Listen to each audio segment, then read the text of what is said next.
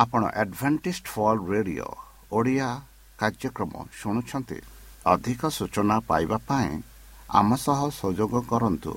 ଏକ ଆଠ ଶୂନ୍ୟ ଶୂନ୍ୟ ଆଠ ତିନି ତିନି ଦୁଇ ଦୁଇ ତିନି ଏକ କିମ୍ବା Bible at the rate of A W R dot O R G ଏହା Adventist world radio voice of hope ଜୀବନଧାରା।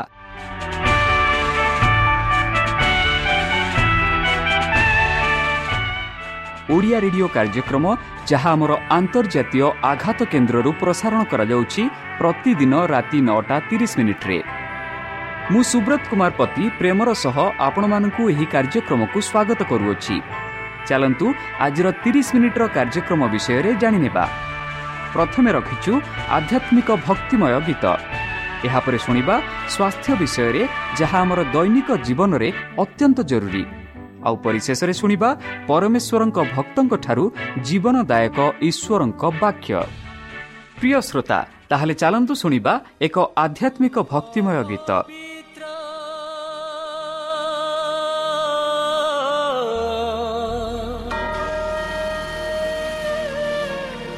ଜଳ ଢାଳି ଜଳ ଢାଳି ମତେ ଧୋଇ ଦେଇ କ୍ଷମା କର କ୍ଷମା କର କ୍ଷମା କର ପାପ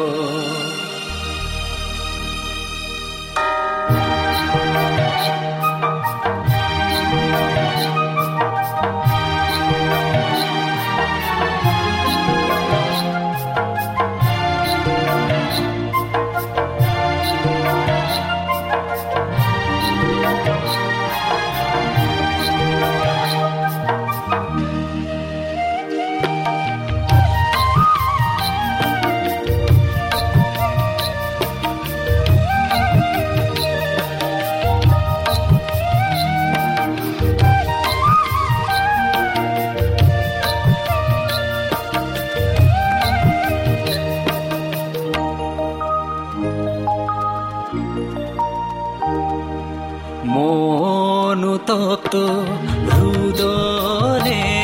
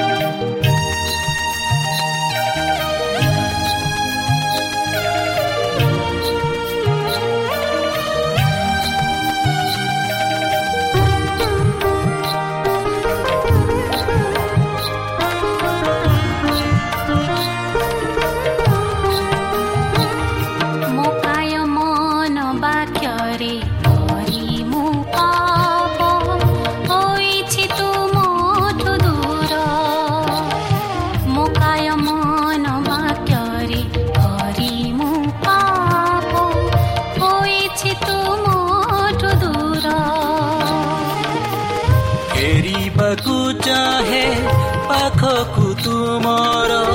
ଫେରିବାକୁ ଚାହେଁ ପାଖକୁ ତୁମର। କରି ଅନୁତାପ ବାର ବାର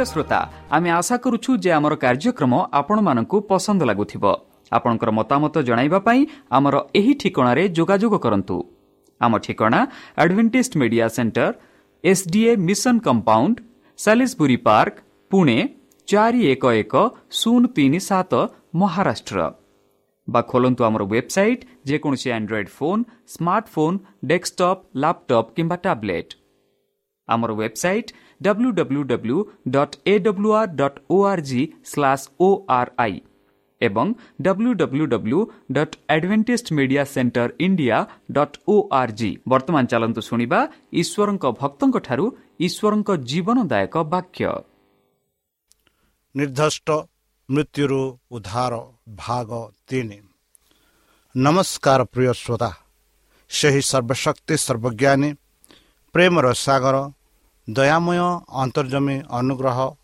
ପରମ ପିତାଙ୍କ ମଧୁର ନାମରେ ମୁଁ ପାଷ୍ଟ ପୂର୍ଣ୍ଣଚନ୍ଦ୍ର ଆଉ ଥରେ ଆପଣମାନଙ୍କୁ ଏହି କାର୍ଯ୍ୟକ୍ରମରେ ସ୍ୱାଗତ କରୁଅଛି। ସେହି ସର୍ବଶକ୍ତି ପରମେଶ୍ୱର ଆପଣମାନଙ୍କୁ ଆଶୀର୍ବାଦ କରନ୍ତୁ।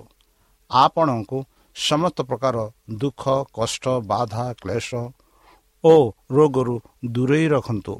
ଶତ୍ରୁ ସୟତାନ ହସ୍ତରୁ ଆପଣଙ୍କୁ ସୁରକ୍ଷାରେ ରଖନ୍ତୁ। ତାହାଙ୍କ ପ୍ରେମ ତାହାଙ୍କ ସ୍ନେହ ତାହାଙ୍କ କୃପା ତାହାଙ୍କ ଅନୁଗ୍ରହ ସଦାସର୍ବଦା ଆପଣଙ୍କଠାରେ ସହବର୍ତ୍ତୀ ରହୁ। ପ୍ରିୟସତା ଚାଲନ୍ତୁ। ଆଜି ଆମ୍ଭେମାନେ କିଛି ସମୟ ପବିତ୍ର ଶାସ୍ତ୍ର ବାଇବଲଠୁ ତାହାଙ୍କ ଜୀବନଦାୟକ ବାକ୍ୟ ଧ୍ୟାନ କରିବା।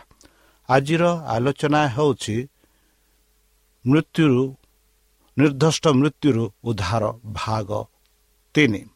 ଭାଗ ଏକ ଭାଗ ଦୁଇ ଭାଗ ତିନି ଆଜି ଆମେ ଆଲୋଚନା କରିବାକୁ ଯାଉଅଛୁ। ବିଶେଷ ଭାବରେ ଭାଗ ଏକ ଦୁଇ ଆମେ ଆଲୋଚନା କରିସାରିଛୁ। ଯେଉଁଥିରେ ଆମେ କୃଷ୍ଣଙ୍କ ମୃତ୍ୟୁ ବିଷୟରେ ଆମେ ଦେଖିଅଛୁ। ତାଙ୍କ ସହିତ ଆମର ଜୀବନ ପରିବର୍ତ୍ତନକାରୀ ସମକ ବିଷୟରେ ଆମେ କିପରି ସମସ୍ତଙ୍କୁ ଜଣାଇ ପାରିବା। ବନ୍ଧୁ ଯେପରିକି ପବିତ୍ର ଶାସ୍ତ୍ର ବାଇବଲ କୁହେ ସେହି ବାପ୍ଟିଜିତ ବିଷୟରେ ବାପ୍ଟିଜିତ ହେବା ଦ୍ୱାରା ଆମମାନେ ତାଙ୍କ ସହିତ କବର ପାଇଲୁ। ଯେପରି ଖ୍ରୀଷ୍ଟ ପିତାଙ୍କ ଗୌରବ ଦ୍ୱାରା ମୃତ୍ୟୁରୁ ପୁନରୁତ୍ଥିତ ହୋଇଥିଲେ ସେଥିପାଇଁ ଆମ୍ଭେମାନେ ମଧ୍ୟ ଜୀବନର ନୂତନତାରେ ଚାଲି ଚାଲିବା ଉଚିତ। ଯେପରି ପାପର ଶରୀର ନଷ୍ଟ ହୋଇଯିବ। ବନ୍ଧୁ ଯେପରି ପ୍ରଥମ କରନ୍ତି ଦ୍ୱିତୀୟ କରନ୍ତି ଏଗାର ଦୁଇରେ ଯଦି ଆମେ ଦେଖିବା ସାଧୁ ପାଉଲ ଏହିପରି କହନ୍ତି କି ମୁଁ ତୁମକୁ ଜଣେ ସ୍ୱାମୀଙ୍କ ସହିତ ବିବାହ କରିଥିଲି ଯେପରି ମୁଁ ତୁମକୁ କୃଷ୍ଣଙ୍କ ନିକଟରେ ଜଣେ ଶୁଦ୍ଧ କୁମାରୀ ରୂପେ ଉପସ୍ଥାପନା କରିବି। ବନ୍ଧୁ ବାପ୍ଟିସ୍ମ କୃଷ୍ଣଙ୍କ ଗ୍ରହଣ କରିଥିବା ବ୍ୟକ୍ତିଙ୍କ ଜୀବନରେ ତିନୋଟି ଗୁରୁତ୍ୱପୂର୍ଣ୍ଣ ଉପାଦାନର ପ୍ରତୀକ ଅଟେ। ତାହା ହେଉଛି ପ୍ରଥମ ଜିନିଷ ପାପରୁ ମୃତ୍ୟୁ। ଆଉ ଦ୍ୱିତୀୟରେ ଆମେ ଦେଖାଉଛୁ ଖ୍ରୀଷ୍ଟଙ୍କଠାରେ ଏକ ନୂତନ ଜୀବନ ଜନ୍ମ ଏବଂ ତୃତୀୟ ହେଉଛି ଅନନ୍ତକାଳ ପାଇଁ ଯୀଶୁଙ୍କ ସହିତ ଏକ ଆଧ୍ୟାତ୍ମିକ ବିବାହ। ଏହି ଆଧ୍ୟାତ୍ମିକ ମିଳନ ସମୟ ସହିତ ଅଧିକ ଶକ୍ତିଶାଳୀ ଏବଂ ମଧୁର ହେବ ଯେପର୍ଯ୍ୟନ୍ତ ଆମେ ପ୍ରେମରେ ଚାଲିବା। ବନ୍ଧୁ ଈଶ୍ୱର ଆମର ଆଧ୍ୟାତ୍ମିକ ବିବାହ କରୁଛନ୍ତି ବା ସିଲ୍ କରନ୍ତି। ଯୀଶୁଙ୍କ ସହିତ ଆମର ଆଧ୍ୟାତ୍ମିକ ବିବାହକୁ ଅନ୍ତକାଳ ପାଇଁ ସିଲ୍ ବା ମୁଦ୍ରା ବା ମୁଦ୍ରିତ କରିବାକୁ ଈଶ୍ୱର ତୁମକୁ କେତେ ହେଲେ କେବେ ହେଲେ ପରିତ୍ୟାଗ କରିବେ ନାହିଁ ବୋଲି ପ୍ରତିଜ୍ଞା କରନ୍ତି। ସେହିପରି ଯଦି ଆମେ ଦେଖିବା ଗୀତ ସଂହିତା ପଞ୍ଚାବନ ବାଇଶରେ ଆଉ ମାଥିଉ ଅଠାଇଶ କୋଡ଼ିଏରେ ସେହିପରି ଏଭ୍ରି ତେର ପାଞ୍ଚରେ ଆମେ ଦେଖୁଛୁ କି ଆମେ ଦେଖୁଛୁ କି ପରମେଶ୍ୱର କେବେ ହେଲେ ଆମମାନଙ୍କୁ ପରିତ୍ୟାଗ କରିବେ ନାହିଁ। ତା ବାଦେ ଅସୁସ୍ଥତା ଏବଂ ସ୍ୱାସ୍ଥ୍ୟରେ ଆମର ଯତ୍ନ ନେବେ ବୋଲି ଗୀତ ସଂହିତା ଏକଚାଳିଶ ତିନି ଜିସାହ ଏକଚାଳିଶ ଦଶ ଏବଂ ଅନ୍ୟ ଠାରେ ମଧ୍ୟ ଏହିପରି କହୁଅଛି କି ପରମେଶ୍ୱର ଆମମାନଙ୍କର ଯତ୍ନ ନେବେ।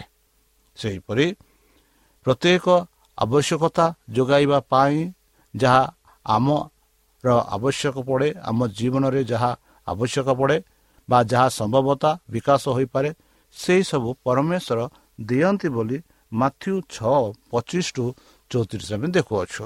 ବନ୍ଧୁ ଯେପରି ତୁମେ ତାଙ୍କୁ ବିଶ୍ୱାସ ଦ୍ୱାରା ଗ୍ରହଣ କରିଅଛ ଭବିଷ୍ୟତରେ ପ୍ରତ୍ୟେକ ଆବଶ୍ୟକତା ପାଇଁ ତାଙ୍କ ଉପରେ ବିଶ୍ୱାସ ରଖ ଏବଂ ସେ ତୁମକୁ କେବେ ହେ କେବେ ବି ହତାଶ କରିବେ ନାହିଁ। ଏହା ମନେ ରଖନ୍ତୁ। ଆଉ ଏହା ବିଶ୍ୱାସରେ ଆଗକୁ ଚାଲନ୍ତୁ। ବନ୍ଧୁ ଆମେ ବର୍ତ୍ତମାନ ଯୀଶୁଙ୍କୁ ଆମ ଜୀବନରେ ଗ୍ରହଣ କରିବାକୁ ଏକ ନୂତନ ଜୀବନ ଅନୁଭବ କରିବାକୁ ଚାହୁଁଛୁ କି ଏହା ଆମେ ଆମେ ଭାବିବାକୁ ପଡ଼ିବ। ଯେହେତୁ ଜଣେ ବ୍ୟକ୍ତିଙ୍କୁ ମୃତ୍ୟୁ କିପରି ସମସ୍ତ ମାନବିକତା ପାପ ପାଇଁ ଦଣ୍ଡ ହେବା ପରେ ଯଦି ଈଶ୍ୱର ଆମକୁ ଉଦ୍ଧାର କରିବାକୁ ଅଧ୍ୟତିକ ପାପି ତେବେ ଜଣେ ହେବେ। ଏହିପରି ଯଦି ଆମେ ଦେଖିବା ସମସ୍ତେ ତ ପାପ କରିଛନ୍ତି ବନ୍ଧୁ। ଆମେ ପୃଥିବୀରେ ଯେତେ ଲୋକ ଅଛନ୍ତି ସମସ୍ତେ ଆଦମରୁ ଏବେ ପର୍ଯ୍ୟନ୍ତ ଯେତେ ଲୋକ ବଞ୍ଚି ଅଛନ୍ତି ଆଉ ଯେତେ ଲୋକ ମୃତ୍ୟୁ ହୋଇଥିଲେ ଆଉ ଯେତେ ଲୋକ ମାନେ ମୃତ୍ୟୁ ପରିସ୍ଥିତିରେ ଅଛନ୍ତି ସମସ୍ତେ ତ ପାପ କରିଛନ୍ତି ବୋଲି ରୋମିଓ ତିନି ତେଇଶରେ କହୁଅଛି ଏବଂ ପାପର ବେତନ ହେଉଛି ମୃତ୍ୟୁ। ଏଥି କାରଣ ଆମେ ଦେଖୁଛୁ ଏହି ପାପ ଯୋଗୁଁ ଏହି ପୃଥିବୀରେ ମୃତ୍ୟୁ ଘଟୁଅଛି। ଯଦି ଆମେ ପାପ ନ କରିଥାନ୍ତୁ ତାହେଲେ ନିଶ୍ଚିତ ରୂପେ ମୃତ୍ୟୁ ବରଣ କରିନଥାନ୍ତୁ ଯେହେତୁ ପବିତ୍ର ଶାସ୍ତ୍ର ବାଇବଲ ମାନ କହୁଛି ପାପର ବେତନ ହେଉଛି ମୃତ୍ୟୁ। ଆଉ ସେଇ ବେତନ ସମସ୍ତେ ପାଇଛନ୍ତି। ଛୋଟ ଜନ୍ମ ଶିଶୁଠୁ ବୃଦ୍ଧ ଲୋକ ଯେ କି ମରିବା ମରଣ ଅବସ୍ଥାରେ ଅଛି ସେ ମଧ୍ୟ ପାପ କରିଅଛି ଏଥିଯୋଗୁଁ ବାଇବଲମାନଙ୍କୁ ସ୍ପଷ୍ଟ ରୂପେ ବୁଝାଇ କହୁଅଛି କି ଆମେ ସମସ୍ତେ ପାପ କରିଛୁ ଆଉ ଏହି ଯେଉଁ ପାପର ବେତନ ହେଉଛି ମୃତ୍ୟୁ। ପଢ଼ନ୍ତୁ ରୋମିଓ ଛଅ ତେଇଶ। ବନ୍ଧୁ ଜନ୍ମ ହୋଇଥିବା ପ୍ରତ୍ୟେକ ବ୍ୟକ୍ତିଙ୍କ ପାଇଁ କିଛି ବିଶେଷ ଆବଶ୍ୟକ। କେବଳ ଯାହାର ଜୀବନ ଅଛି ଅତି କମରେ ସମସ୍ତ ମାନବିକତା ଜାତି ବା ସମସ୍ତ ମାନବ ଜାତି ସହିତ ସମାନ। ସେ ସମସ୍ତ ମାନବ ଜାତିର ପାପ ପାଇଁ ମରିପାରନ୍ତି। ଯେହେତୁ ଯୀଶୁ ସମସ୍ତ ଜୀବନର ସୃଷ୍ଟିକର୍ତ୍ତା ଏବଂ ଲେଖକ ଅଟନ୍ତି। ସେ ଯେଉଁ ଜୀବନ ଦେଇଥିଲେ ତାହା ସମସ୍ତଙ୍କ ଜୀବନଠାରୁ ମଧ୍ୟ ଅଧିକ ଥିଲା। ତେଣୁ ସେ ମଧ୍ୟ ତାହାଙ୍କ ମାଧ୍ୟମରେ ଈଶ୍ୱରଙ୍କ ନିକଟକୁ ଆସୁଥିବା ଲୋକମାନଙ୍କୁ ଉଦ୍ଧାର କରିବାରେ ସକ୍ଷମ ଅଟନ୍ତି। ଯେହେତୁ ସେ ସେମାନଙ୍କ ପାଇଁ ନିବେଦନ କରିବା ପାଇଁ ସର୍ବଦା ବଞ୍ଚିଛନ୍ତି ସର୍ବଦା ଅଛନ୍ତି। ବନ୍ଧୁ ପରମେଶ୍ୱର ଯିଏକି ଆମମାନଙ୍କ ପାଇଁ ଏହି ପୃଥିବୀକୁ ଆସିଲେ ଆଉ ଏହି ପୃଥିବୀରେ ରହି ଆମମାନଙ୍କ ପାଇଁ ଜୀବନ ଦାନ ଦେଲେ ଆଉ ମୃତ୍ୟୁବରଣ କଲେ। ଯଦି ଏହିପରି ପ୍ରଶ୍ନ ଆସେ ଯଦି ମୁଁ ଖ୍ରୀଷ୍ଟ ଏବଂ ତାଙ୍କ କ୍ଷମତାକୁ ଗ୍ରହଣ କରେ କିନ୍ତୁ ପୁନର୍ବାର ପଡ଼େ ତେବେ ସେ ମୋତେ ପୁନର୍ବାର କ୍ଷମା କରିବେ କି? ଏହିପରି ଯଦି ପ୍ରଶ୍ନ ଆସେ ବନ୍ଧୁ ହଁ ପବିତ୍ର ଶାସ୍ତ୍ର ବାଇବଲ ଏହି ପ୍ରଶ୍ନର ଉତ୍ତର ଦେଉଅଛି ଯାହାକି ପ୍ରଥମ ଜନ ଏକ ନରେ ଆମେ ପାଉଛୁ। ସେଠି କୁହାଯାଉଛି ଯଦି ଆମେ ଆମର ପାପ ସ୍ୱୀକାର କରୁ ତେବେ ସେ ବିଶ୍ୱସ୍ତ ଏବଂ କେବଳ ଆମର ପାପ କ୍ଷମା କରିବା ଏବଂ ସମସ୍ତ ଧର୍ମରୁ ଆମକୁ ପରିଷ୍କାର କରିପାରିବ। ସମସ୍ତ ଧର୍ମ ହୋଇପାରେ ଜନ୍ମଠାରୁ ଆଜି ପର୍ଯ୍ୟନ୍ତ କିଛି ପାପ କରିଅଛ ଆଉ ସେଇ ପାପ ପାଇଁ ତୁମେ ଈଶ୍ୱରଙ୍କ ଠାରେ କ୍ଷମା ମାଗିନାହଁ। ଆଜି ଆପଣ ଖ୍ରୀଷ୍ଟଙ୍କୁ ବିଶ୍ୱାସ କଲେ। ଆଉ ସେ ବିଶ୍ୱାସ ଯୋଗୁଁ ଖ୍ରୀଷ୍ଟଙ୍କ ସମ୍ମୁଖରେ ଆପଣ ଆପଣ ପାପ କ୍ଷମା ପାଇଁ ନିବେଦନ କଲ। ଆଉ ଏଠି ପବିତ୍ର ଶାସ୍ତ୍ର ବାଇବଲ କହୁଅଛି କି ଯେବେ ଆମେ ଆମ ପାପ ସ୍ୱୀକାର କରୁ ତେବେ ସେ ବିଶ୍ୱସ୍ତ। ମାନେ ପାପ କ୍ଷମା କରିବା ପାଇଁ ପ୍ରସ୍ତୁତ ଅଛନ୍ତି। ସେ ମନା କରନ୍ତି ନାହିଁ ସେ ପ୍ରସ୍ତୁତ ଅଛନ୍ତି ଆଗ୍ରହୀ ଅଛନ୍ତି। ଏବଂ କେବଳ ଆମର ପାପ କ୍ଷମା କରିବ ଓ ସମସ୍ତ ଧର୍ମକୁ ଆମର ସମସ୍ତ ଅଧର୍ମରୁ ଆମକୁ ପରିଷ୍କାର କରିବା ପାଇଁ ସେ ପ୍ରସ୍ତୁତ ଅଛନ୍ତି ବୋଲି ପବିତ୍ର ସଂସ୍ଥା ଶାସ୍ତ୍ର ମାନଙ୍କୁ କହୁଛି। ବନ୍ଧୁ ପରିଷ୍କାର ଯେବେ ଆମ କପଡ଼ା ଅପରିଷ୍କାର ହୋଇଯାଏ ଆଜିକାଲି ଆମେ ତାକୁ ଯେପରି ପୁରାତନ ସମୟରେ ଲୋକେ କପଡ଼ାକୁ ହାତରେ ଧଉଥିଲେ ସଫା କରୁଥିଲେ ଆଜିକାଲି ମଧ୍ୟ ଗାଁ ଗଳିରେ ସେହିପରି ଚାଲିଥାଏ। ମାତ୍ର ପ୍ରାୟ କିଛି ସହର ମାଧ୍ୟମରେ ସହର ସହର ମାନଙ୍କରେ ଆଜିକାଲି ଆମେ ୱାସିଂ ମେସିନ୍ ପାଇଅଛୁ। ସେଇ ୱାସିଂ ମେସିନ୍ ଦ୍ୱାରା କପଡ଼ା ସବୁ ସଫା କରାଯାଉଅଛି। ଆଉ ଏଇ ଯେଉଁ ସଫା ଏଇ ଯେଉଁ ପରିଷ୍କାର ପାଇଁ ସାବୁନ ବା ସର୍ଫ ବ୍ୟବହାର କରିବାକୁ ପଡ଼ୁଛି ମାତ୍ର। ଏଠି ଆମେ ଦେଖୁଛୁ ଯଦି ଆମର ପରମେଶ୍ୱର ମାନଙ୍କୁ କହୁଛନ୍ତି ଯଦି ଆମେ ଆମର ପାପ ସ୍ୱୀକାର କରୁ ଯେବେ ସେହି ପବିତ୍ର ଆତ୍ମଙ୍କ ସାହାଯ୍ୟ ଦ୍ୱାରା ଆମ ପାପ ଆମେ ସ୍ୱୀକାର କରିବା ସେ ଆମମାନଙ୍କ ଠାରେ ବିଶ୍ୱସ୍ତ ଅଛନ୍ତି। ଆଉ ସେ ବିଶ୍ୱସ୍ତ ଯୋଗୁଁ ସେ ଆମର ପାପ ସବୁ କ୍ଷମା କରିବେ ଏବଂ ସମସ୍ତ ଧର୍ମରୁ ଆମମାନଙ୍କୁ ପରିଷ୍କାର କରିବେ। ମାନେ ଆମେ ପାପହୀନ ହେବା ପାପ ଆମ ଠାରେ ନାହିଁ ପରି ଯେମିତିକି ଆମେ କେବେ ବି ପାପ କରିନାହୁଁ ସେହିପରି ପରମେଶ୍ୱର ଆମମାନଙ୍କୁ ଆଶୀର୍ବାଦ କରିବ ଯଦି ଆମେ ଆମର ପାପ ପାଇଁ ପ୍ରକୃତରେ ଦୁଃଖିତ ଏବଂ ଏହାକୁ ସ୍ୱୀକାର କରିବା କରିବା ତେବେ ଆମେ ସର୍ବଦା ଈଶ୍ୱରଙ୍କୁ ବିଶ୍ୱାସ କରିପାରିବା। ବନ୍ଧୁ ତାହେଲେ ଚାଲନ୍ତୁ ସେହି ପରମେଶ୍ୱରଙ୍କଠାରେ ଆମେ ବିଶ୍ୱାସ କରି ଆମ ନିଜ ପାପ ସ୍ୱୀକାର କରିବା। ଯଦି ଏହିପରି ପ୍ରଶ୍ନ ଆସେ ମୋ କିପରି ମୋ ପାପପୂର୍ଣ୍ଣ ଅବସ୍ଥାରେ ଈଶ୍ୱରଙ୍କ ନିକଟକୁ ଯାଇପାରିବି? ଜଣେ ପୁରୋହିତ କିମ୍ବା ମନ୍ତ୍ରୀ ମୋ ପାଇଁ ପ୍ରାର୍ଥନା କରିବା ଭଲ ନୁହେଁ କି? ଏହିପରି ଆମେ କହିଥାଉ। ଯଦି ମୁଁ ପାପପୂର୍ଣ୍ଣ ଅବସ୍ଥାରେ ଈଶ୍ୱରଙ୍କ ନିକଟକୁ ଯାଇପାରିବି ଜଣେ ପୁରୋହିତ ବା ଜଣେ ପାଦ୍ରୀ ବା ଜଣେ ଶିକ୍ଷକ ବା ଜଣେ ଲୋକ ମୋ ପାଇଁ ପ୍ରାର୍ଥନା କରିବା ଭୁଲ ନୁହେଁ କି? ନାହିଁ ବନ୍ଧୁ। ଯଦି ଏଭ୍ରି ଚାରି ପନ୍ଦର ଆମେ ଦେଖିବା ସେ ଲେଖନ୍ତି ଆମ ପରି ପରୀକ୍ଷିତ ହୋଇଥିଲେ। ଯୀଶୁ ପ୍ରଭୁ ଯେବେ ଏହି ପୃଥିବୀରେ ଥିଲେ ଆମେ ଯେପରି ଯେଉଁ ପାପ ଦେଇ ଗତି କରୁଅଛୁ ଯେଉଁ ପାପରେ ଆମେ ଭରି ରହିଅଛୁ ସେହି ପାପରୁ ସେ ଅନୁଭବ କରିଛନ୍ତି। ଯେହେତୁ ଯୀଶୁ ମାନବ ଶରୀରରେ ବାସ କରୁଥିଲେ ଆଉ ମାନବ ଜାତିରେ ମାନବ ଶରୀରରେ ଏହି ପୃଥିବୀକୁ ଆସିଥିଲେ ଆଉ ମାନବର ସବୁ କିଛି ଜାଣନ୍ତି। ସେଥିଯୋଗୁଁ ଆମେ ଯେପରି ପରୀକ୍ଷିତ ହୋଇଥାଉ ସେହିପରି ଯୀଶୁ ମଧ୍ୟ ପରୀକ୍ଷିତ ହୋଇଥିଲେ ବୋଲି ସାଧୁ ପାଉଲ ଏଭ୍ରି ଚାରି ପନ୍ଦରରେ କହୁଛନ୍ତି। ଆଉ ସେ ବିଜୟୀ ହୋଇଥିଲେ। ସେ ଏଇ ଯେଉଁ ପାପରୁ ସେ ବିଜୟୀ ହୋଇଥିଲେ।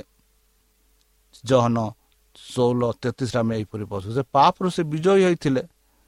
ସେ ଆମ ପାପରୁ ଆମକୁ କ୍ଷମା କରିପାରିବେ। ତାହା କରିବା ପାଇଁ ଆମକୁ ମାନବ ପୁରୋହିତ କିମ୍ବା ମାନବ ଦ୍ୱାରା ମାନବ ପାଦ୍ରୀ ଦ୍ୱାରା ବା ପ୍ରଚାରକ ଦ୍ୱାରା ଆମମାନଙ୍କ ସେଇ ଯେଉଁ ପାପ ପରୀକ୍ଷିତ ପାପ ପାଇଁ କରିବା ଆବଶ୍ୟକ ନାହିଁ।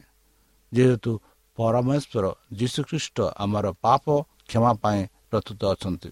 ଆହୁରି ମଧ୍ୟ ପ୍ରଥମ ତିମତି ଦୁଇ ପାଞ୍ଚରେ ଆମକୁ ବିଶେଷ ଭାବରେ ଦିଆଯାଏ କହିଥାଏ ଯେ କେବଳ ଈଶ୍ୱର ଏବଂ ପୁରୁଷଙ୍କ ମଧ୍ୟରେ ଜଣେ ମଧ୍ୟସ୍ଥ ମନୁଷ୍ୟ ଖ୍ରୀଷ୍ଟ ଯୀଶୁ ଅଛନ୍ତି।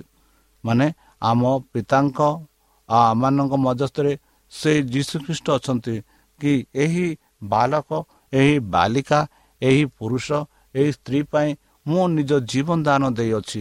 ମୋ ରକ୍ତ ସେ କୃଷରେ ବୁହାଇ ଅଛି ଏମାନଙ୍କୁ କ୍ଷମା କର ବୋଲି ସେ ସଦାପ୍ରଭୁ ପରମେଶ୍ୱରଙ୍କ ସମ୍ମୁଖରେ ନିବେଦନ କରିବେ ବୋଲି ଆମେ ଦେଖୁଅଛୁ।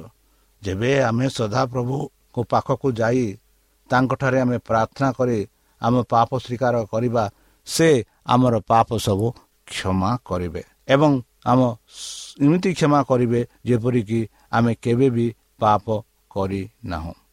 ବନ୍ଧୁ ଯୀଶୁଙ୍କ ଜୀବନ ମୃତ୍ୟୁ ପୁନରୁତ୍ଥାନ ଏବଂ ଆପଣଙ୍କ ପାଇଁ ନିରନ୍ତର ପ୍ରାର୍ଥନା ହେତୁ ଆମେ ଆଜି ଯାଏ ବଞ୍ଚିଅଛୁ। ଆପଣ ଈଶ୍ୱରଙ୍କ ନିକଟକୁ ଯାଇପାରିବେ ଏବଂ ଆପଣ ସାହସର ସହିତ ତାଙ୍କ ନିକଟକୁ ଯାଇପାରିବେ ଏହିପରି ଏଭ୍ରି ଚାରି ଷୋହଳରେ ଆମେ ଦେଖୁଅଛୁ। ବନ୍ଧୁ ଈଶ୍ୱର ମୋତେ ଉଦ୍ଧାର କରିବାରେ ସାହାଯ୍ୟ କରିବାକୁ ମୁଁ କିଛି କରିପାରିବି କି ବୋଲି ଯଦି ଆପଣଙ୍କ ପ୍ରଶ୍ନ ହୋଇପାରେ ତାହେଲେ ନା। ତାଙ୍କର ଯୋଜନା ସମ୍ପୂର୍ଣ୍ଣ ରୂପେ ଅନୁଗ୍ରହରେ ଯୋଜନା ଅଟେ।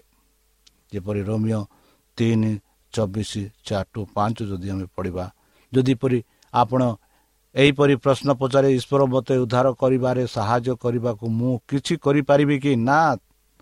ଯେହେତୁ ତାଙ୍କର ଯୋଜନା ସମ୍ପୂର୍ଣ୍ଣ ରୂପେ ଅନୁଗ୍ରହରେ ଯୋଜନା ଅଟେ ବନ୍ଧୁ। ଏହା ହେଉଛି ଈଶ୍ୱରଙ୍କ ଦାନ।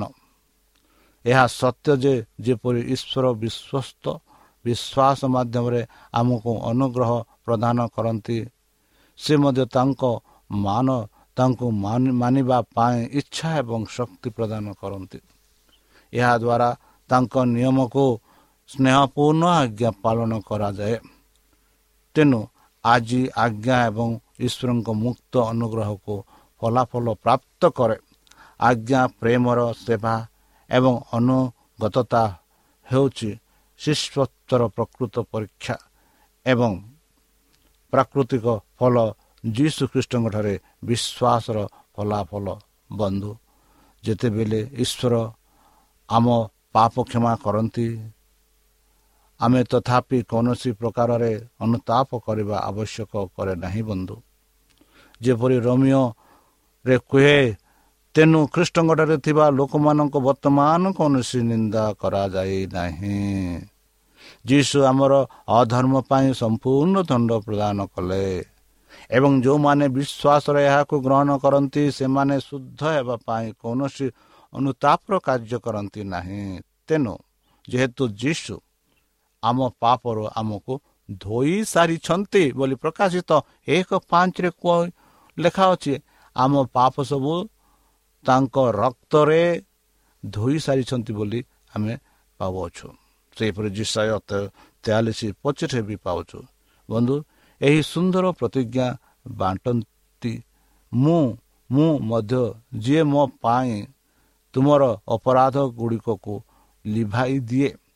ମୁଁ ତୁମର ପାପ ଗୁଡ଼ିକ ସ୍ମରଣ କରିବି ନାହିଁ। ଏହିପରି ମିକା ସାତ ଅଠର ଉଣେଇଶରେ ମାନେ ଆମ ପାପ ସବୁ ଆଉ ଆଉ ସେ ସ୍ମରଣ କରିବେ ନାହିଁ ଆମ ପାପ ସବୁ ସେ କ୍ଷମା କରିବେ। ତୁମ ପାଇଁ କ୍ଷମା କରିବାର ଅନ୍ତିମତାକୁ ଦର୍ଶାଏ। ତୁମ ପରି ଜଣେ ପରମେଶ୍ୱର କିଏ ଅପରାଧକୁ କ୍ଷମା କରି ତାଙ୍କ ଈଶ୍ୱର ଆବଶ୍ୟର ଅପରାଧକୁ ଅତିକ୍ରମ କଲେ। ସେ କ୍ରୋଧକୁ ସବୁଦିନ ପାଇଁ ରଖନ୍ତି ନାହିଁ ବନ୍ଧୁ କାରଣ ସେ ଦୟାର ଆନନ୍ଦ କରନ୍ତି।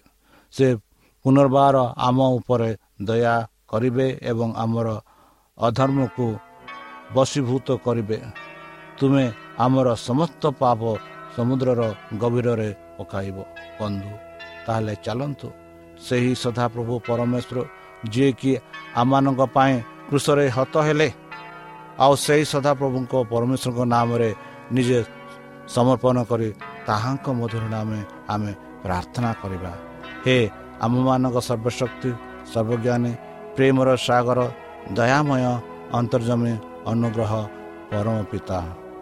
ଧନ୍ୟବାଦ କରୁଛୁ ପ୍ରଭୁ ବର୍ତ୍ତମାନ ଯେଉଁ ବାକ୍ୟ ତୁମ ଭକ୍ତମାନଙ୍କୁ ଶୁଣାଇଲେ ସେହି ବାକ୍ୟ ଅନୁସାରେ ଆମମାନଙ୍କୁ ଚାଲିବା ପାଇଁ ବୁଦ୍ଧିରେ ଜ୍ଞାନରେ ଶକ୍ତିରେ ପରିପୂର୍ଣ୍ଣ କର। ଆମ ପାପ ସବୁ ତୁମ ସେହି ବହୁମୂଲ୍ୟ ରକ୍ତରେ ପରିଷ୍କାର ରୂପେ ଧୋଇଦିଅ ଆଉ ପରିଶେଷ ଯେବେ ତୁମେ ତୁମ ସେହି ସହସ୍ର ଦୂତଙ୍କ ସହ ଆସିବେ ସେତେବେଳେ ଆମମାନଙ୍କୁ ଏକ ବାସସ୍ଥାନ ଦିଅ ବୋଲି ତ୍ରାଣକର୍ତ୍ତା ପ୍ରଭୁ ଯୀଶୁଙ୍କ ମଧୁରମୟ ମଧୁରମୟ ନାମରେ ଏହି ଛୋଟ ବିକ୍ଷମ ଅଛୁ ଶୁଣି ଗ୍ରହଣ କର। ଆମେନ୍। ପ୍ରିୟ ଶ୍ରୋତା ଆମେ ଆଶା କରୁଛୁ ଯେ ଆମର କାର୍ଯ୍ୟକ୍ରମ ଆପଣମାନଙ୍କୁ ପସନ୍ଦ ଲାଗୁଥିବ। ଆପଣଙ୍କର ମତାମତ ଜଣାଇବା ପାଇଁ ଆମର ଏହି ଠିକଣାରେ ଯୋଗାଯୋଗ କରନ୍ତୁ ଆମ ଠିକଣା advantage media centre S D A mission compound Salisbury park Pune ଚାରି ଏକ ଏକ ଶୂନ ତିନି ସାତ ମହାରାଷ୍ଟ୍ର ବା ଖୋଲନ୍ତୁ ଆମର ୱେବସାଇଟ୍ ଯେକୌଣସି android phone smartphone desktop laptop କିମ୍ବା ଟ୍ୟାବ୍ଲେଟ୍ ଆମର website W W W dot A W R dot O R G slash O R I ଏବଂ W W W dot Adventist media centre India dot O R G Adventist media centre ଇଣ୍ଡିଆର spelling ହେଉଛି A D V E N T I S T M E D I A C E N T R E I N D I A অথবা download করন্তু আমার mobile up ଆପଣଙ୍କର mobile play ଷ୍ଟୋରକୁ ଯାଆନ୍ତୁ ଆଉ type କରନ୍ତୁ the voice of pope ଆଉ download କରନ୍ତୁ ଈଶ୍ୱର ଆପଣଙ୍କୁ ଆଶୀର୍ବାଦ କରନ୍ତୁ ଧନ୍ୟବାଦ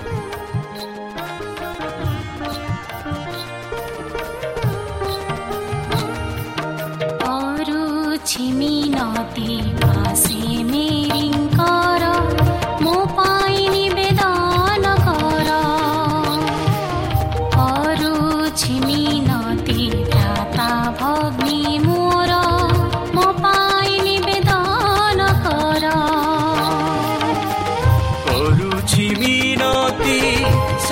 सदिनको रुचि मिनती साधु सदिनको क्षमा मागिबाको प्रभुङ्कर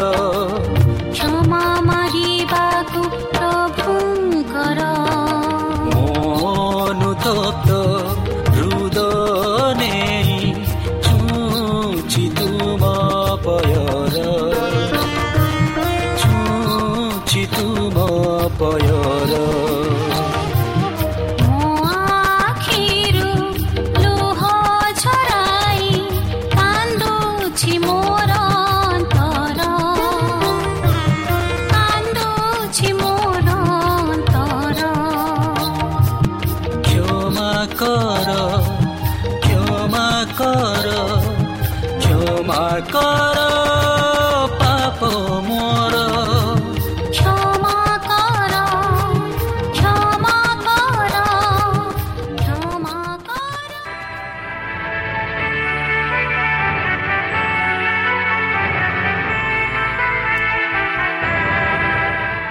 ଆପଣ ଆଡଭେଣ୍ଟିଷ୍ଟ ଫଲ୍ ରେଡିଓ ଓଡ଼ିଆ କାର୍ଯ୍ୟକ୍ରମ ଶୁଣୁଛନ୍ତି। ଅଧିକ ସୂଚନା ପାଇବା ପାଇଁ ଆମ ସହ ସହଯୋଗ କରନ୍ତୁ। ଏକ ଆଠ ଶୂନ୍ୟ ଶୂନ୍ୟ ଆଠ ତିନି ତିନି ଦୁଇ ଦୁଇ ତିନି ଏକ କିମ୍ବା Bible at the rate of A W R dot O R G